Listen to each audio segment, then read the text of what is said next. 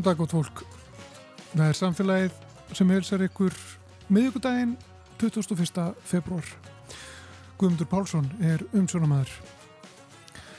Við sáum og heyrðum fréttir í gær af skelvilegu ástandi á Gaza þar sem komið hefur ljós að hlutfall vannærðra barna hefur stór aukist uh, undarfarið. Eitt af hverjum sex börnum undir tveggjára í norður hluta Gaza glýmur við bráða vannæringu eins og það er orðað. Við viljum að ræða þessi mál við Byrnu Þórarinsdóttur, framkvæmtastjóra UNICEF, barnahjálpar saminuðu þjóðana á Íslandi. Við viljum líka tala um eftirlit með vegum landsins, umferð, hraða og færð og hvernig tæknin hefur stórbætt aðgengi að upplýsingum. Bergþóra Kristinsdóttir, frangandastjóri þjónustusviðs vegagerðarinnar, ræðir við okkur til rétt eftir. Við heyrum eina málfarsmínútu í umsjón önnu Sigriðar Þráinsdóttur og svo kemur þetta Olgudóttir til okkar í vísendarspjall. En við byrjum á vegum landsins eftir eitt lag.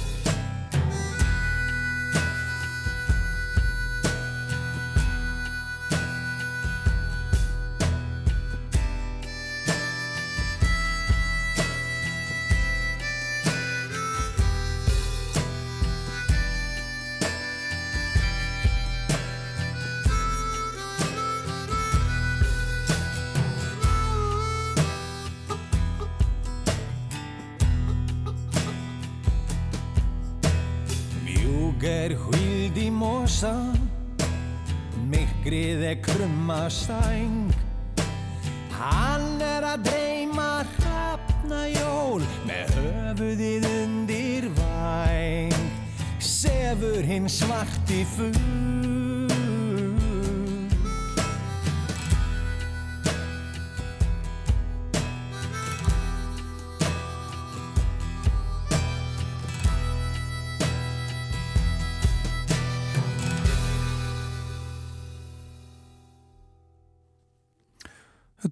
Mortens að eh, syngja lagið Hrafnin lag sem að eh, Viljámur Viljámsson eh, söng á sínum tíma. Lag af blötu sem var gefin út í tilöfna af minningatólingum sem voru haldnir um Viljálm Viljámsson Þá eru sérst hjá okkur Bergþóra Kristinsdóttir. Hún er frangatastjóri þjónustusviðs vegagerðarinnar, verður velkomin til okkar. Takk kærlega fyrir. Við sáum það að vegagerðin hefur núna uh, látið setja upp uh, myndavelar Mm í kvalferðgöngum og þessar myndavelar sinna því sem er kallað meðalhraða eftirlit akkurat. og þetta er núna, já, er núna bara verið tekið notkun á morgun eða ekki? Í Jú. kvalferðgöngum Jú, við erum að byrja á þessu á morgun í kvalvergangum. og við þekkjum það sko þar í kvalverðgöngunum eru myndavelar uh, sem að grípa menn, uh, keira, keira rætt þegar að keira fram hjá myndavelunum.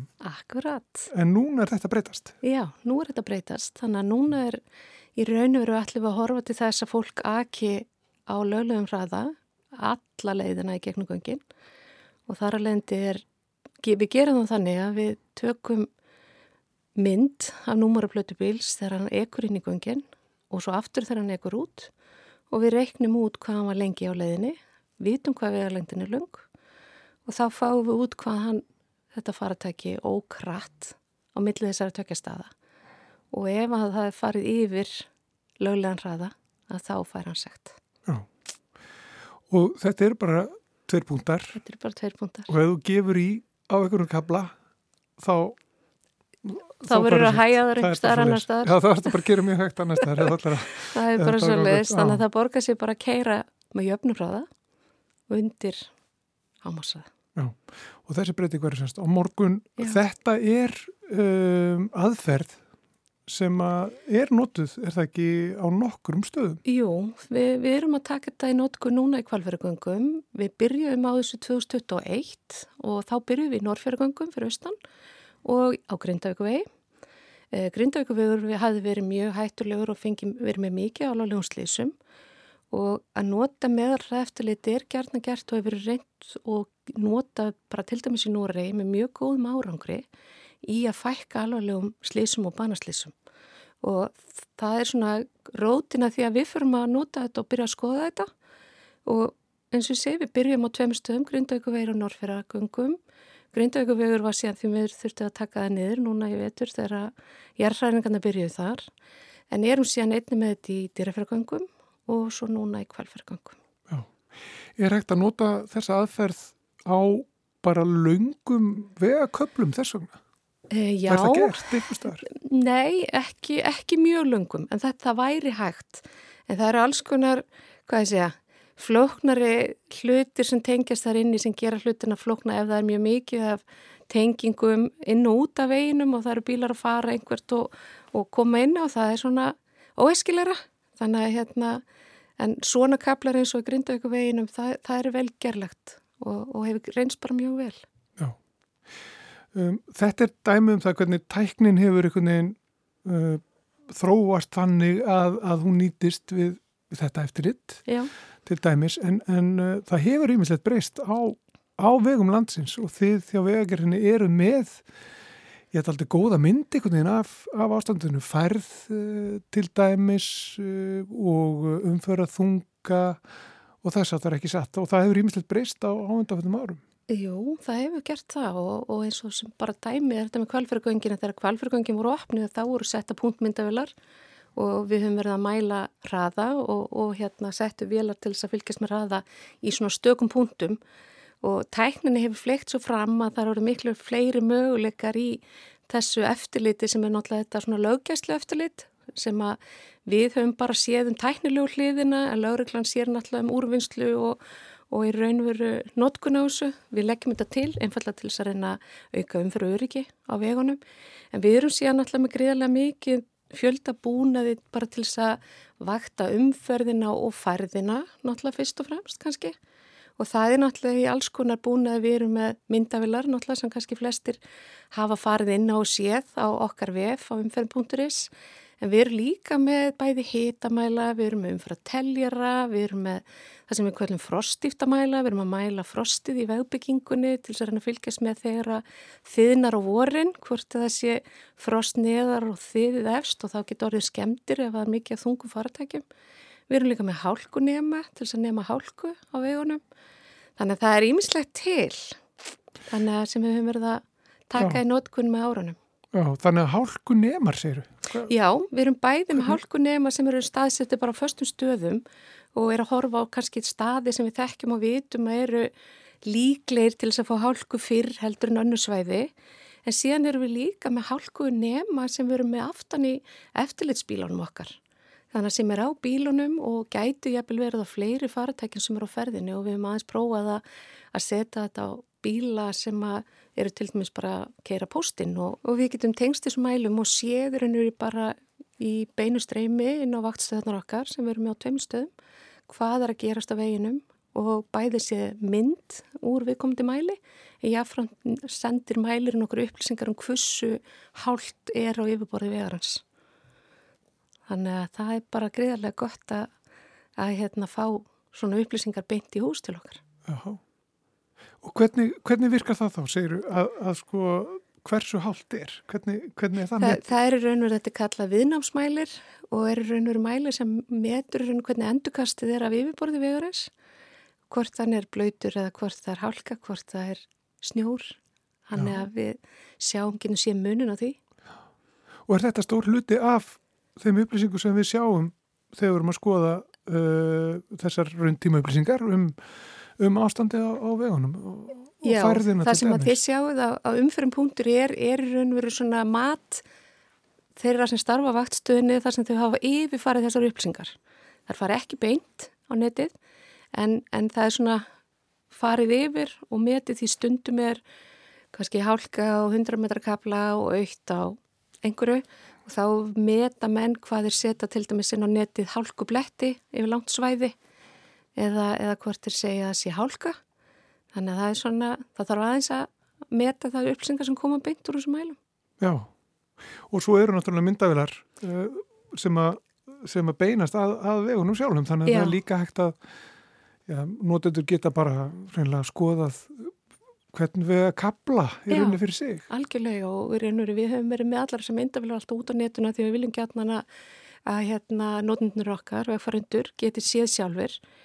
Það sem er kannski aðeins vandin með þessum myndavilum að því þær eru ekki í lifandi streymi, heldur er þetta ljósmyndir teknar með nokkra sekundna og mynd, minnutna millibili og það sem að blekkisnutum við myndavilarnar að þú sérð ítlaði ef það er hann, það er búið erfitt að taka mynd af, af skafreiningi og ljósmynd Mm en við erum með me- meira og meira myndavilum í lifandi streymi inn til okkar en, en mikið af þessum myndavilum er ennþá bara svona ljósmyndir og það stundum blekkir. Já. En mjög gott að sjá yfirborðið og, og sjá umhverfið. Já, ég er núna einmitt bara, úr ég bara skoða myndavel sem er hérna í kjálkaferði Akkurat, á Sunnværa vesturum já, og þarna sé ég bara að það er, það er línan er blá, vegurinn er blár sem maður segir mér að það sé hálft já, og það er sannlega þannig þegar ég, þegar ég skoða myndavelina þá sé ég hvað það þýðir sko. ég sé að það er, það er bara klakki á veginn já, Það er ekki- það er það ekki en það Já. Þannig að þetta er, en við erum sem ég segi, við erum með gríðarlegum fjöldatækjum en, en við fáum líka mikið að mannlegum upplýsingum. Og Við erum með fólk á ferðinni, við erum, erum með starfsfólk á átjánstöðum á landinu, þeir eru á ferðinni allan daginn, metastöðuna, við erum með verktaka vinna fyrir okkur sem eru líka að upplýsa okkur og, og, og hérna hvernig staðan er. Og svo eru nokkur spurningamerki hérna Svo eru nokkur spurningverki og það er, það er kannski aðalega vegir sem eru ekki hefðbundum vetraþjónustur ekstri. Og svona þegar það byrjar að voru eins og núna að hláka þá að, hérna, er ekki búið að fara að kanna þeim. Eh, Þeir eru mjög líklega samt ekki orðni greiðfærir af því að það er búið að vera snjór en, en hérna, við setjum spurningamerki þegar það er ekki búið að fara og kanna stöðuna. Já, og vegir sem eru ekki þjónustæðir kannski Nei. Nei. Og verði ekki orðutir fyrir kannski í mars, april, Já, einhverjir. Mm. Og svo eru náttúrulega veður upplýsingarnar. Það eru veður stöðvar Já.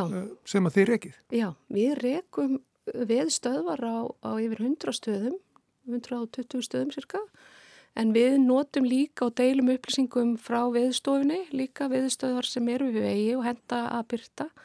Þannig að það er í bland veðstöðvar frá okkur sem við rekum og svo veðstöðvar frá veðstofinni sem við byrtum hann á vefnum okkar. Já. Þannig að það er alltaf hægt að fara inn og sjá hvernig, hvernig ástandið er á hvernig stað.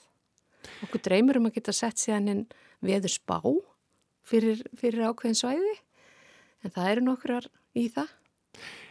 Hvað með umferð, sko, umferð að þunga Mhm. á ákveðnum vegaköplum? Þið fylgist með því? Við fylgjumst vel með því, við erum með umferð teljara, um, þeir eru nú alveg gríðarlega margir, við byrtum á vefnum okkar töluverðan fjölda og þar er hægt að sjá alltaf umferð síðustu tíu mínútur og fram miðnætti, aðeins hægt að spóla einn og halvan sólarringa aftur í tíman, síðan erum við með gríðarlega fjölda teljara sem við erum bara með í gagnugrunni hjá okkur en byrtum ekki lifandi til vegfærenda.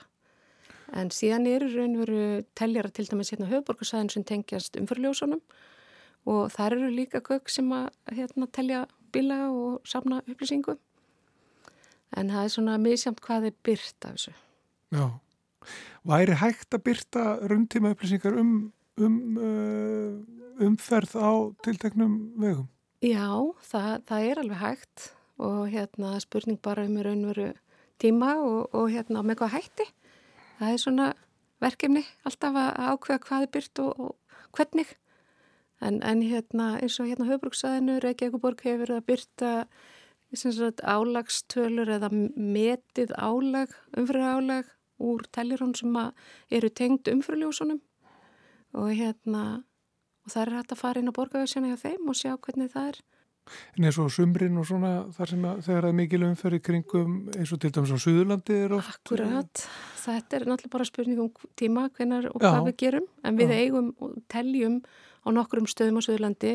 Stundum eru það svo langt á milli þessari teljara til þess að sé hægt að gefa einhvern svona raunhaft mat og hérna, en, en stundum er það vel hægt á sömu stöðum. Já. En þetta er einhvers svona þróun sem kemur til með að verða á næstum mánuðum og. En þetta eru sko teljarar sem að, sem að bara telja bíla, sennilega, og við Já. þekkjum það sko, maður keirir yfir oft svona einhvers konar, hvað maður segja, snúru eða kapal eða...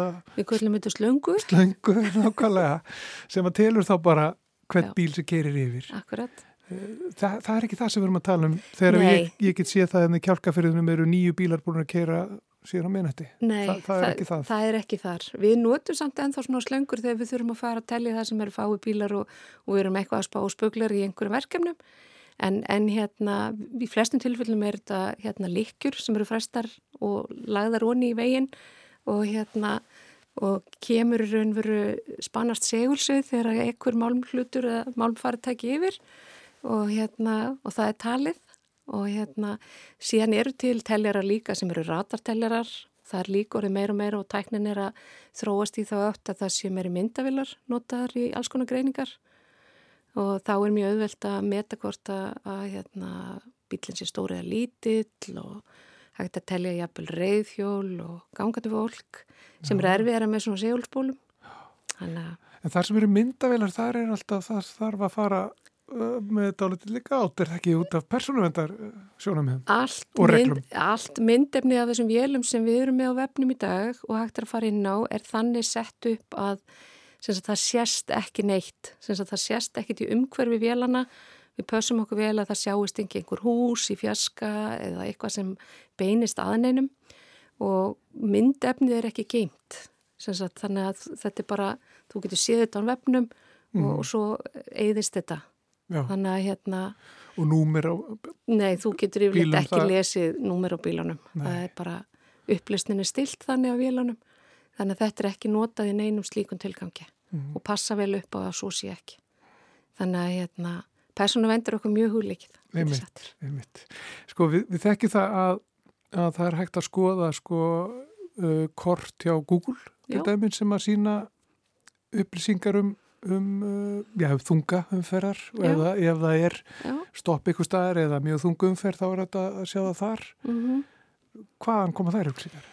Það eru upplýsingar komið einfallega úr símónum okkar Google telur síma og fylgist með símum og reyfingu og þeir eru bara búin að sig að því og sumum vegum er vanalega umfærðarraði 80 en þegar að raðin á símanum er komin í 20 og þá sé mjög líklega röð Já. eða eitthvað sem er að tefja umferðina og þá breyta þeir um lit og, og teikna það sé hugsanlega raut eða appisínugult eins og þeir eru með þetta í, í svona litaþreipum. Þannig að þeir eru bara að fylgjast með hraðanum á símónum hvaða símanni ferðast hratt. Já, það eru gögg sem að Google hefur aðgangað. Og, hérna að því vorum nú að tala um persónavend það væri eitthvað grái sveiði ef að við gerum alltaf að nýta slíkar Já, við gerum það ekki. Það er alveg ljóst, við gerum það ekki en, en hérna en þetta er oft ágætt að skoða þetta og, og hérna átt að segja á því raunveru þegar að þegar fólk er að fara einhvert og, og, og getur síðan þetta gefur vísbætingar og er bara ákveði verðmætti fyrir vegfærendur að, að geta gitt á Google sko. Mm -hmm. En því miður er ekki alveg allt, allt af allt hár rétt og satt sem að Google er að segja. Þannig að það er svona að maður stundum að taka það með smá varuð og, og eins og núna nýjasta dæmið sem er Google þó að ég, maður verður nú mjög ánað með Google ofta snæra þá er til dæmis bara í gæra þá áttu við okkur á því og fyrir að daga að Google er búin að vera að senda fólk í bláa lónið eftir slóðum sem er alls ekki vegir. Það er ekkit annað. Já, þannig að það er svona þá bara heldur Google að því það eru fólk sem er að vinna við hitaviturlögnina hérna söður á Reykjanesi og símanni þeirra á reyfingu og þá álíkta Google sem svo að þarna sína bara vegur og þá fara þeir að senda ferðamennina þessa leið og hérna það, þetta er ekki einstæmi, við höfum nokkuð svona dæmi þar sem að Google álíktar að sé vegur einfallega bara vegna þess að til dæmis ferðarþjónustu fyrirtæki eru með snjósleða sem er að fara alltaf leið, sömu leiðina upp á jökla eða upp á fjöll. Og þá er Google búin að álíkta að það sé vegur og fer að senda fólk þessa leið. Og þetta er náttúrulega ekki gott en við erum að reyna að vinna í að miðla betur og upplýsa Google hvað er vegur og hvað er ekki vegur og hvað er opið og hvað er lokað. Já. Google er farið að pekka upp núna allt sem við setjum á umfyrir.is þegar við segjum að vegur sé lokaður vegna þess að það er ófært að þá setja þeirra að sé lokað. Já. En þeir segja ekki hvort það sé hálka eða eitthvað annað, þeir segja bara svo opið lokað en þeir gera það náttúrulega bara á vegum sem við setjum upplýsingar um, við erum ekki að setja upplýsingar á hvorki slóða eða sveitafélagavegi þannig að hérna en þeir eru farnir að pekka upp það sem við sittum inn. Þannig að það er hægt að treysta svona sæmilega því sem þeir segja að eitthvað sé lokað mm. að þá sé það raunverulega lokað. Já, en ekki að þeir segja eitthvað sé opið að það sé raunverulega opið. það, það er því miður ekki ekki alveg harrið til þeim alltaf. Nei, en, en við erum að reyna að vinni að koma betra sambandi við Google þannig að þeir trú okkur betur hvað er vegur og hvað er ekki vegur. Já, einmitt. Þau trúðu ekki vegargerðinni, hverjum að trúa þá? en þeir, þeir eru svolítið í því elda símana. Þeim finnst það að vera svolítið svona sniðut að elda símana og ef það er bara nómarki símar þá, þá draga þær aðlíktanir. Já, einmitt. En eh, svo er náttúrulega þegar að sko ef maður er ykkur um vafa eða mm, maður svona býðast er eitthvað opni eða búast við eitthvað, eitthvað verið lokað þá er náttúrulega alltaf síminn 1777 1777 sem þetta er ringi í og það er bara einhver sem svarar Já, og, það er bara og erum með allar upplýsingar sem... okkar besta fólk á Ísafjörði sem svarar í síman og, og þau eru frá, frá 6.30 til 10 í vetartíman og hérna alltaf hægt að fá upplýsingar þar. Já, og ef maður er ekki með gott nettsamband eða eitthvað slíkt en í símasambandi þá er þetta að ringi þann síma. Akkurat. Þetta er mjög áhugavert eh, og, og það verður líka spennand að sjá bara sko hvernig tæknir mun þróast á næstunni það er örgulega ímislegt algjörlega að, það er, bara, það er rosalega margt í gangi og, og hérna það sem að kannski bæði í tækni eins og í myndavilum um, við erum búin að vera að setja upp núna en að þróa á tröllaskaga sagt, vöktun í myndavilum að nota greint, gerfi greint í myndavil til þess að fylgjast með grjótrunni og, og síi á veginum um, á tröllaskaga á Siglufjörðavegi í almenningum. Þar hefur vegurum verið að síga og áða til að hrinja svolítið grjótar í, í leysingum. Og við erum búin að vera að setja upp og reyna að ná tökum á því að geta fjárstýrt að loka með festir en lokunarliðum ef að við sjáum að það sé reyfing á veginum eða grjóturinn og þetta er svona verkefni sem við erum að reyna að sjá hvernig gengur, hvort sé þetta beita víðar þar sem við getum nota myndavilar til þess að meta raunverulega hefur orðið skriðufall eða grjótrun eða er einhver hætta En þetta er svona þróun sem að tekur einhverja vikur og mánuði að, hérna, að hérna komast lengra. Við setjum punkt hér, Bergþóra Kristinsdóttir Frankværtastjóri þjónustusviðs vegagerðarinnar. Gaman að fá það heimsókn. Takk, takk fyrir það. Alltaf gaman að koma og segja frá. Já, takk fyrir að fræða okkur um uh, hvernig tæknin uh, er að breyta uh, hvernig þið getur fylgst með vegum landsins og umferðinni og hvernig þið getið já, gómað. Það sem að gera aðeins var hratt. Og, og núna um, á morgun þá er þetta í gagni þetta meðalraða eftirlitt í kvelverðgangum Akkurat. Og, og við að gera nýpunturis er þetta skoða þetta allt saman að sjálfsögðu. Takk fyrir komuna Bergfóra Takk. Moved out to a new city. June is dawning down on me and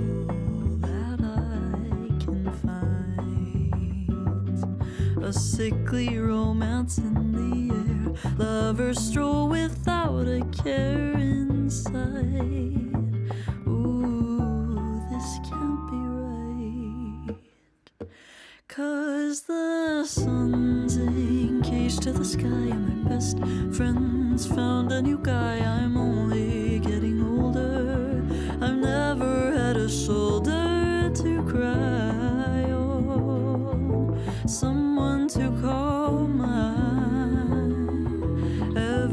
Everybody's falling in love and I'm falling behind.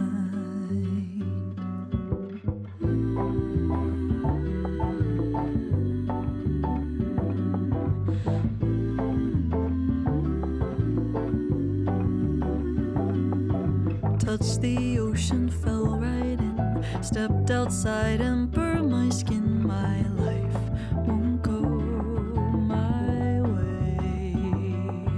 Bossa someone to to love. Because the sun's engaged to the sky. My best friends found a new guy. I'm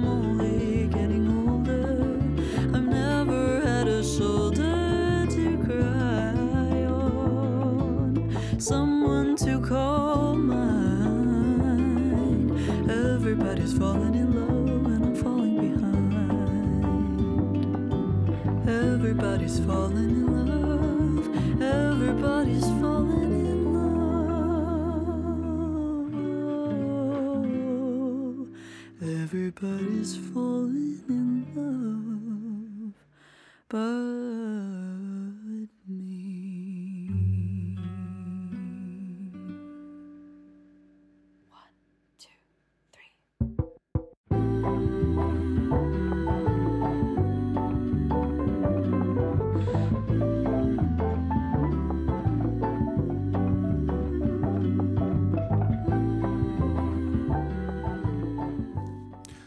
Þetta er Laufey og lag sem heitir Falling Behind.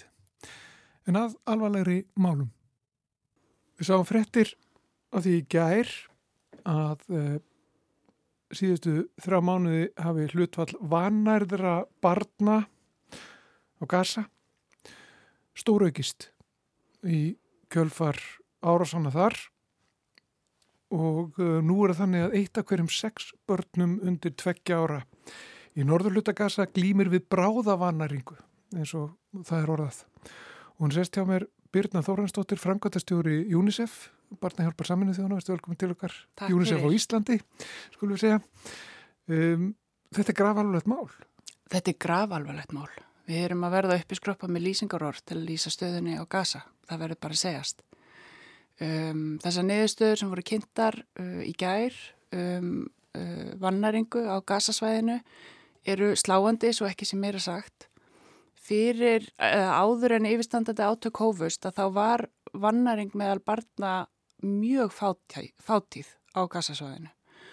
Um, núna eins og þú sagðir í enganginum eru þetta eitt af hverjum sex bönnum í norðurhlutanum sem eru þá þjást af uh, bráðri vannaringu og það er lífsættulegt ástand um, vegna þess að líka minn verður einfallega svo veikur. Uh, þegar að, að börn eru vannarða þá eru þau uh, fljótari til að veikjast og, og hafa uh, að sjálfsög veikari mótspyrnu gegn síkingunum. Svo finnast líka tilefni eh, tilfelli rýrnunar sem að er uh, það sem er kallað wasting á ennsku og það er uh, alvarlegasta form vannaringar. Þannig að þau fundu um 3% barna í norðurlutanum eru einfallega þjást af rýrnun sem að er bara, það er mjög örfitt að koma tilbaka að því. Þú krefst bara tafalausrar meðferðar til að bjarga þeim. En þetta er afleðing ástand sem að hefur vara núna í fjóra mánuði og sérfræðingar segja og kemur fram í þessari könnun að við þekkjum engin dæmi um að vannaring hafi aukist svona mikið svona hratt neinstaðar. Þetta hefur bara aldrei gerst svona alvarlega, svona hratt eins og er að gerast á gasa í dag. Þetta helgast að því að uh, neyðar vistir komast erfiðlega inn þá sérstaklega í norðurhlutan og World Food Program eða matvæla áhællun saminuð þjóðana sagði í gæra og þau bara gætu ekki lengur fara með vistir þarna inn vegna þess að ástandi er svo ótreykt bílarnir þeirra hafa orðið fyrir sprengingum og árásum. Og bæð er það þá að neyðabyrðið komast ekki inn og svo er það nú bara þannig að til að fæða heila þjóð þá þartu verslun. Þú þart uh, framleiðslu á landbúnaðverum og þú þart stöðugan innflutning á ferskveru einfallega til að fólk fái nægilega næringu. Þú heldur ekki uppi heitli þjóð á dósamatt og, og, og korni sem er flutt inn sem neyðabyrðir. En þetta er algjörlega í lamasessi, þetta er bara ekki virt í dag, verslun og, og eða, þú veist, þetta eru, við teljum bakar í, ég held að við teljum einhverja 2-3-10 fyrir allt svæðið. Þannig að þjóðin öll við sjáum þessi alvarlegustu merki vannæringarinnar á börnunum vegna þess að þau eru fljótust að finna fyrir þessu en í könnuninni komi ljósa sko 90, millir 90-95% bæði barna og svo líka maðra ímest með börn á brjósti eða uh, ólettra kvenna. Þau höfðu fengið uh, fæðu úr tveimur fæðuflokkum eða minna daginn áður en sagt, þau svöruðu spurningunum. Og við getum rétt svo ímyndað okkur ef þú færð bara næringu úr tveimur fæðuflokkum á dag, uh, hversu fljótt við höfum slöpp og veik og þetta voru 90-95% barna og ólettra kvenna eða kvenna með börnabrjósti. Þannig að þannig eru við að sjá afleðingar sem unnu marka þetta fólk og þessu börn fyrir lífstíð ef að þau hafið þetta af. Og hvað er til ráða? Sko? Hvað, hvað, hvernig er hægt að bregðast við og hvað þarf að gerast bara núna? Bara tafarlust, tafarlust vopnallið, tafarlust vopnallið og það þarf að galopna aðgengi fyrir mannúð, bæðir mannúðavistir og mannúðarstarfsfólk inn á gasasvæðið allt. Það er það sem við þurfum uh, til skemmri tíma. Svo þarf vopnallið að vera langvarandi vegna þess að það verður bara að fara að byggja upp og lúa að og græða. Vegna þess að ef ekkert er gert, ef þetta heldur svo náfram, þá erum við farin að tala um dauða barna í 2000-tali mjög fljótt. Einfallega vegna þess að áhrif hernaðarins eru slík en svo eru bara sko, næringastæðin orðin svo slæm, tilfelli sjúkdóma orðin svo tíð, aðgengja vatni er svo takmarkað að fólk mun vera stráfælt því miður. Ég meðist mjög erfitt að segja þetta mm -hmm. en þetta eru staðrindir og það er blasa við öllum. Já.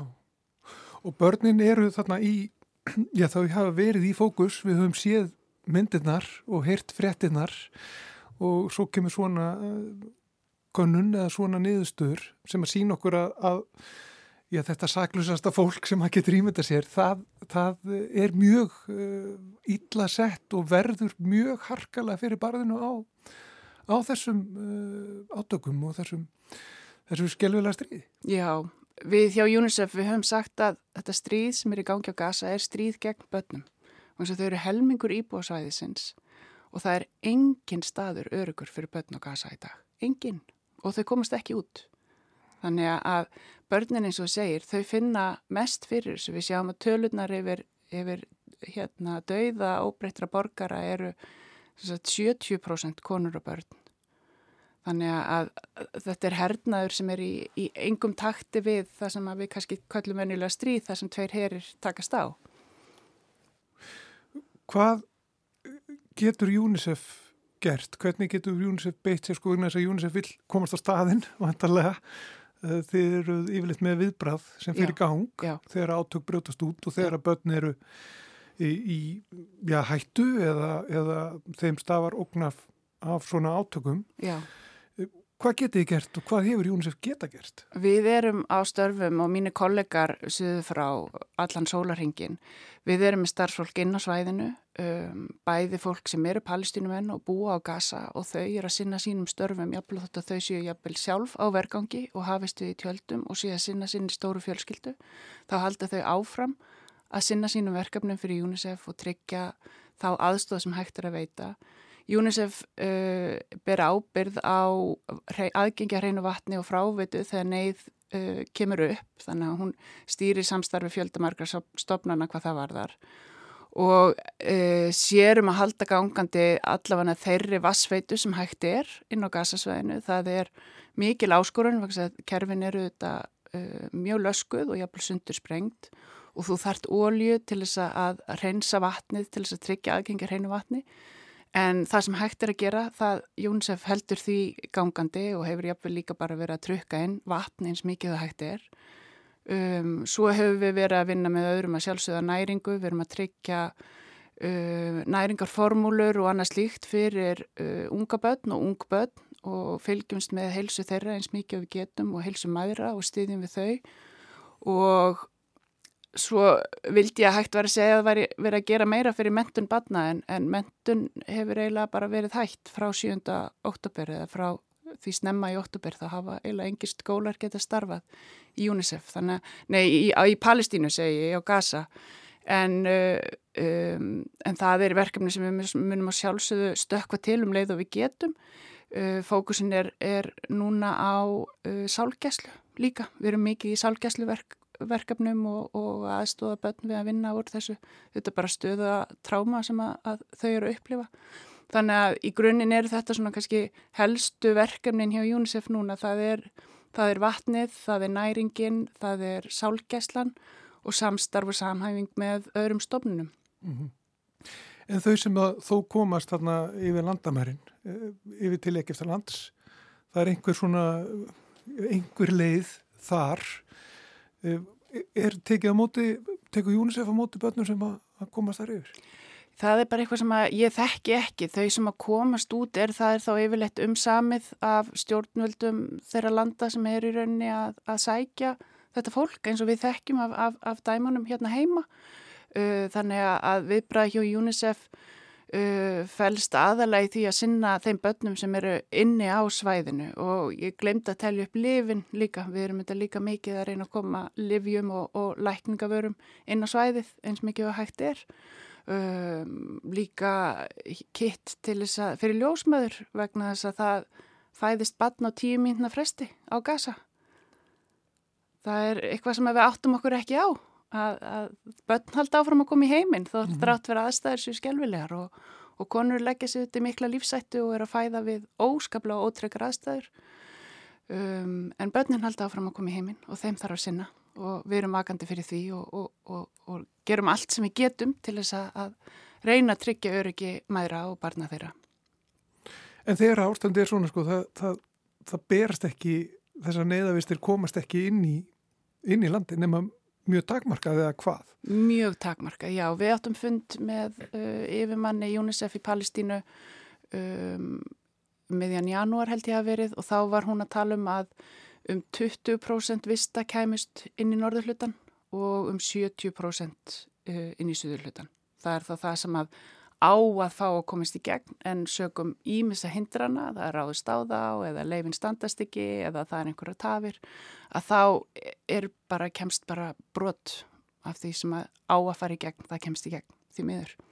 Oh. Þannig að í þessu er þetta líka opbáslega mikla samningaviðræður og, og það þarf að vera stöðugt að reyna að koma því í gegn sem hægt er að koma í gegn og reyna að koma því til fólksins eins mikið hægt er. En eins og við sáum að þá er það stöðugt erfiðara og, og það er mjög miður að matvala áallinin treysti sér hreinlega ekki lengur inn í norðurlutan en það bara segir meirinn mörg orðum það hversu erfitt ástandið er þar. Já. Um, Fólk uh, já, það upplifir náttúrulega ákveðið svona mátleysi gagva þessu og, og margir vilja leggja eitthvað til, sko. Það eru safnarnir í gangi ekki satt. Jú, jú. Við erum með neðasöfnum fyrir gasa og einfaldast að leggja henni lið með því að senda eh, bara SMS í númeri 1900 með orðinu neyð uh, eða fara inn á heimasíðin okkar og, og leggja til frjálsframlög. Það þarf uh, gríðarlega mikinn fjárhagstuðning til þess að, að, að tryggja það neyðaviðbrað sem hægt er að halda uppi og svo verðum við að vona og treysta því að það komi vopnallið eða bara átökum linni þannig að hægt sé að sko, koma með þann hafsjó af stuðningi og vistum sem að gasa þarf. Um, vegna það þarf að gerast hratt og vel.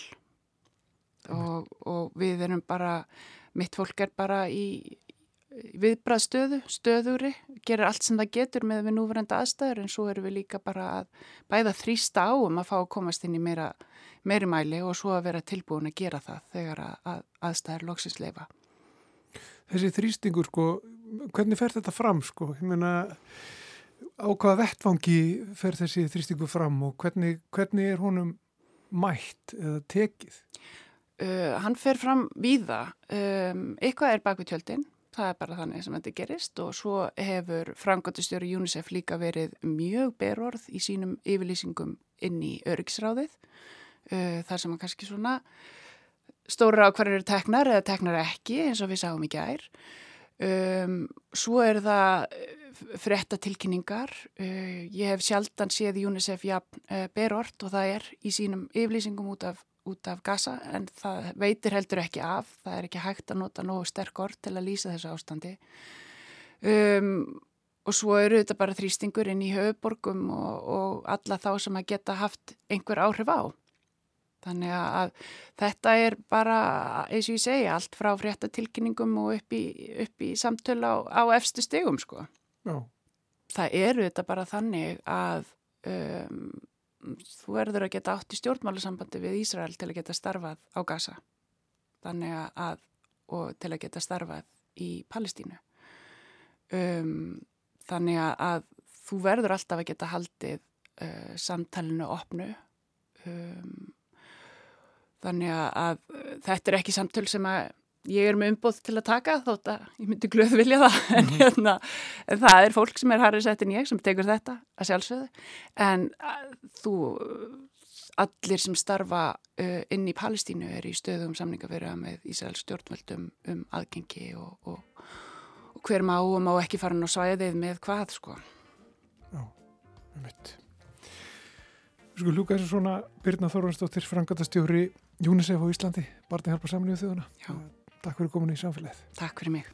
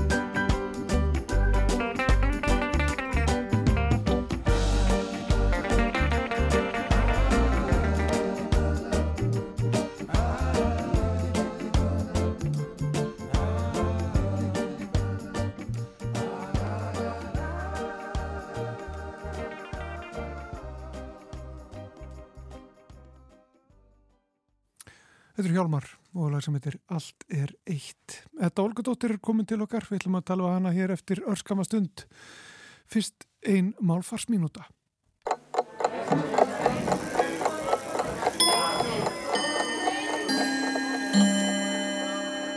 Það er ekki íkja langt síðan farið var að nota orðið innviðir um grundvallar skipulag samfélags og undirstöðu efnahagslífs. Orðið sjálft er einhvað síður eldgamalt og hefur frá upphafi verið notað um burðarviði húsa og skipa. Í orðapistli á vef árnastofnunar má lesa að elsta ritaða dæmi sem til er síður norsku homilíubókinni sem er talin rituð um 1200.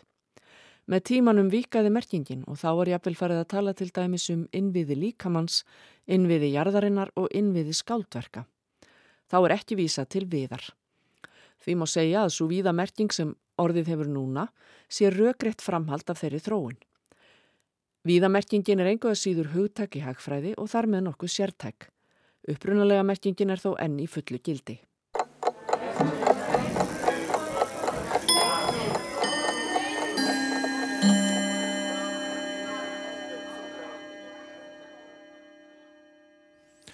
Það var Anna Sýrjur Þráinsdóttir sem að færið okkur málfarsmínútuna. En þetta Olgudóttir er í okkur, komin í vísendarspjalli, verður velkomin. Takk fyrir það. Hvað ætlum að ræða í dag? Við ætlum að tala aðeins um Parkinsons og hvernig það eiginlega myndast, um, þó við vitum það í raun og vera ekki alveg hvað er það sem veldur Parkinsons.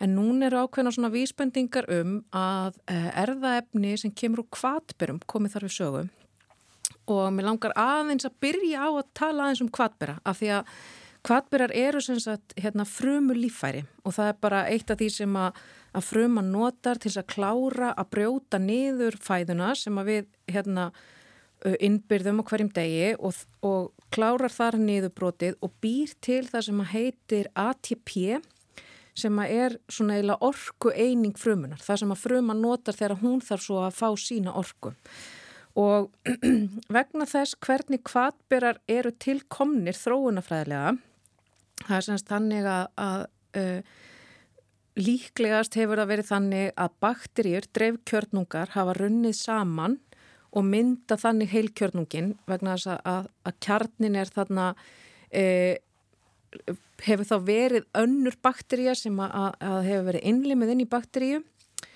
og og þá verður allt erðaefnið inn í kjarnanum, allt erðaefnið er flutt inn í kjarnan þarna í þróun og, og, hérna, og þannig verður heilkjörnungurinn til. Svo setna þá verður annars samrömi og, samröni og hérna önnur bakteríja kemur til og er glift af þessum heilkjörnunga og þá verður til frumulífærið, líffærið, kvatberi. Og vegna þess að þetta verður svona til þá er hérna bakterja sem að kemur inn, þessi nýja sem að verður kvatberinn, hún er með sitt erðaefni og það erðaefni er svona smátt og smátt flutt inn í kjarnan en það verður eitthvað eftir inn í kvatberanum. Þannig að enn þann dag í dag þá er ákveðin hluti af erðaefninu sem er í okkur öllum staðsett í þessu frumulífæri en ekki inn í kjarnanum.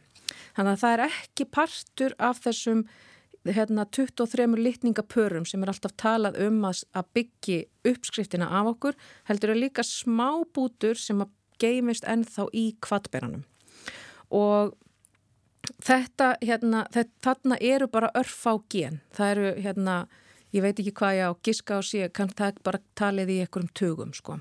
Og þannig að þetta er mjög lítið.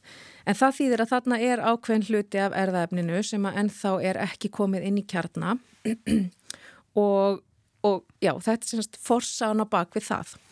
Eh, hvernig tengist það svo Parkinsons? Parkinsons er náttúrulega sjúkdómur sem við þekkjum rosalega mörg sem sko hérna svona skjálta sjúkdómur. Það er þannig sem við kannski sjáum hann fyrir okkur en það er samt margt annað sem að fólk með Parkinsons er að upplifa og sérst ekkit endilega.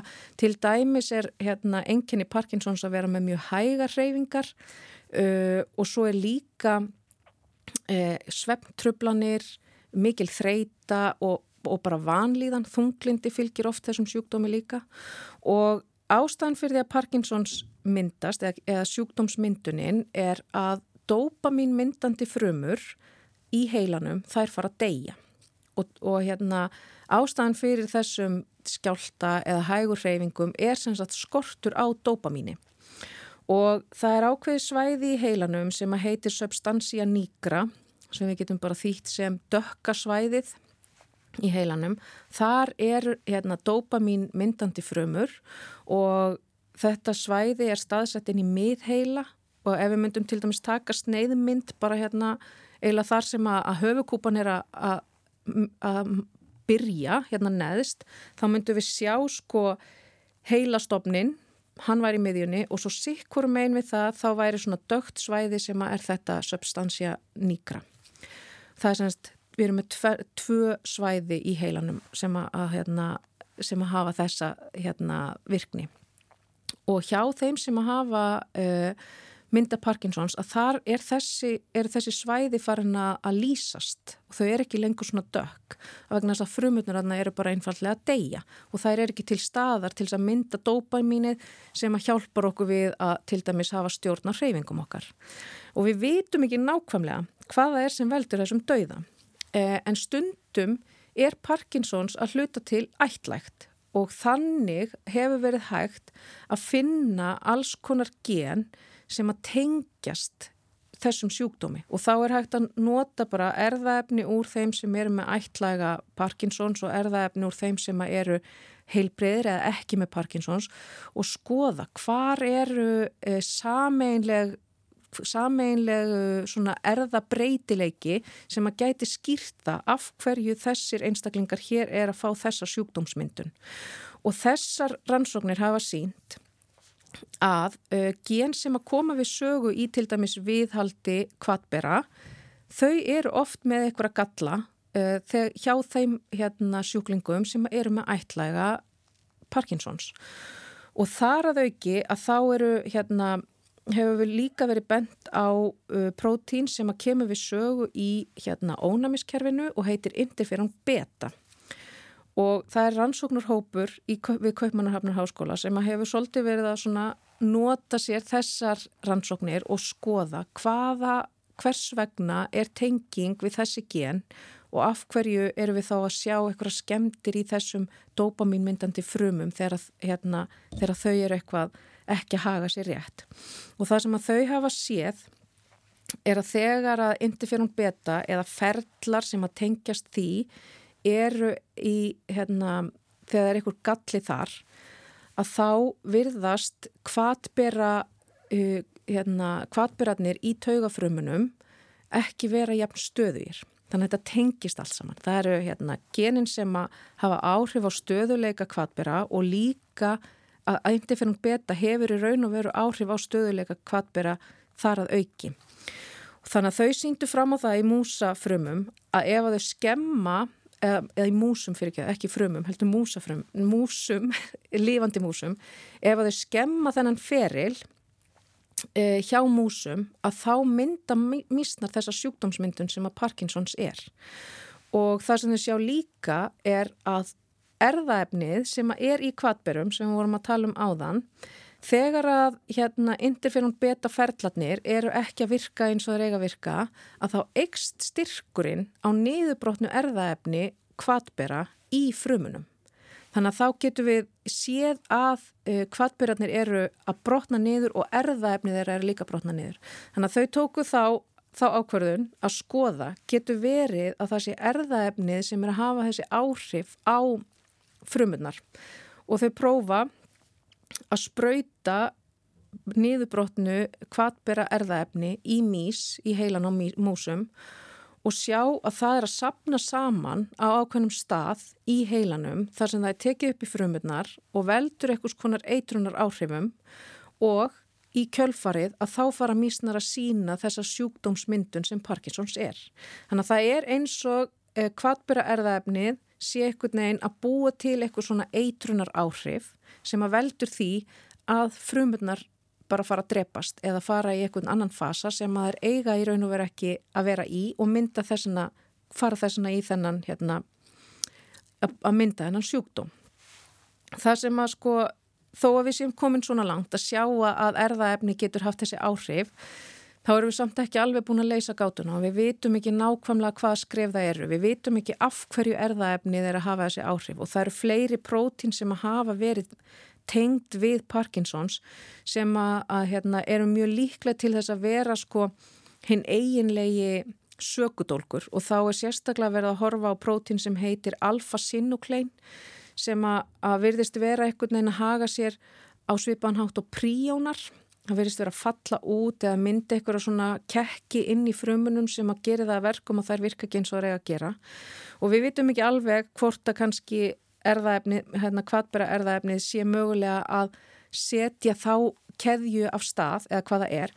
En það sem að er sko eila áhugaverðast við þessa rannsókn er að þetta niðurbrotna hvaðbæra erðaefni það er möguleiki nefnilega á að geta mælt það í blóðpröfu eða eitthvað slíkt. Ef, ef að til dæmis við gætum mælt auk, aukningu á niðurbrotnu kvartbæra erðaefni í blóðpröfu hjá fólki, þá gæti það verið ákveðin svona snemgreining á Parkinsons. Og þó að staðan sé þannig núna því miður að það er ekki hægt að koma í veg fyrir sjúkdóminn eða læknan, að þá gæti þessi snemgreining samt gert það verkum að fólk gæti fara að gera ymsar sko ráðstafanir til þess að reyna að hindra framgang sjúkdómsins sem er til dæmis mjög mikil hreyfing og því að hreyfing hefur, við hefum sínt fram á að hreyfing hefur mjög jákvæð áhrif á Parkinsons. Einmitt. Þetta er áhugavert og ennitt eh, svona pústlið uh, í þessari flóknu mynd Já. sem að þessi, þessi alvarlegi og flókni sjúkdómur er í rauninni. Nákvæmlega. Þetta er orðið þóttir takk fyrir komuna í takk. samfélagið. Takk fyrir mig. Og með þessu vísindarspjalli ljúkuði samfélaginu þennan miðugudaginn. Guðmundur Pálsson þakka fyrir sig Samfélagi verður aftur á dagskrá á morgun að sjálfsögða á sama tíma. Klukkan eitt. Heyrust á. Verið sæl.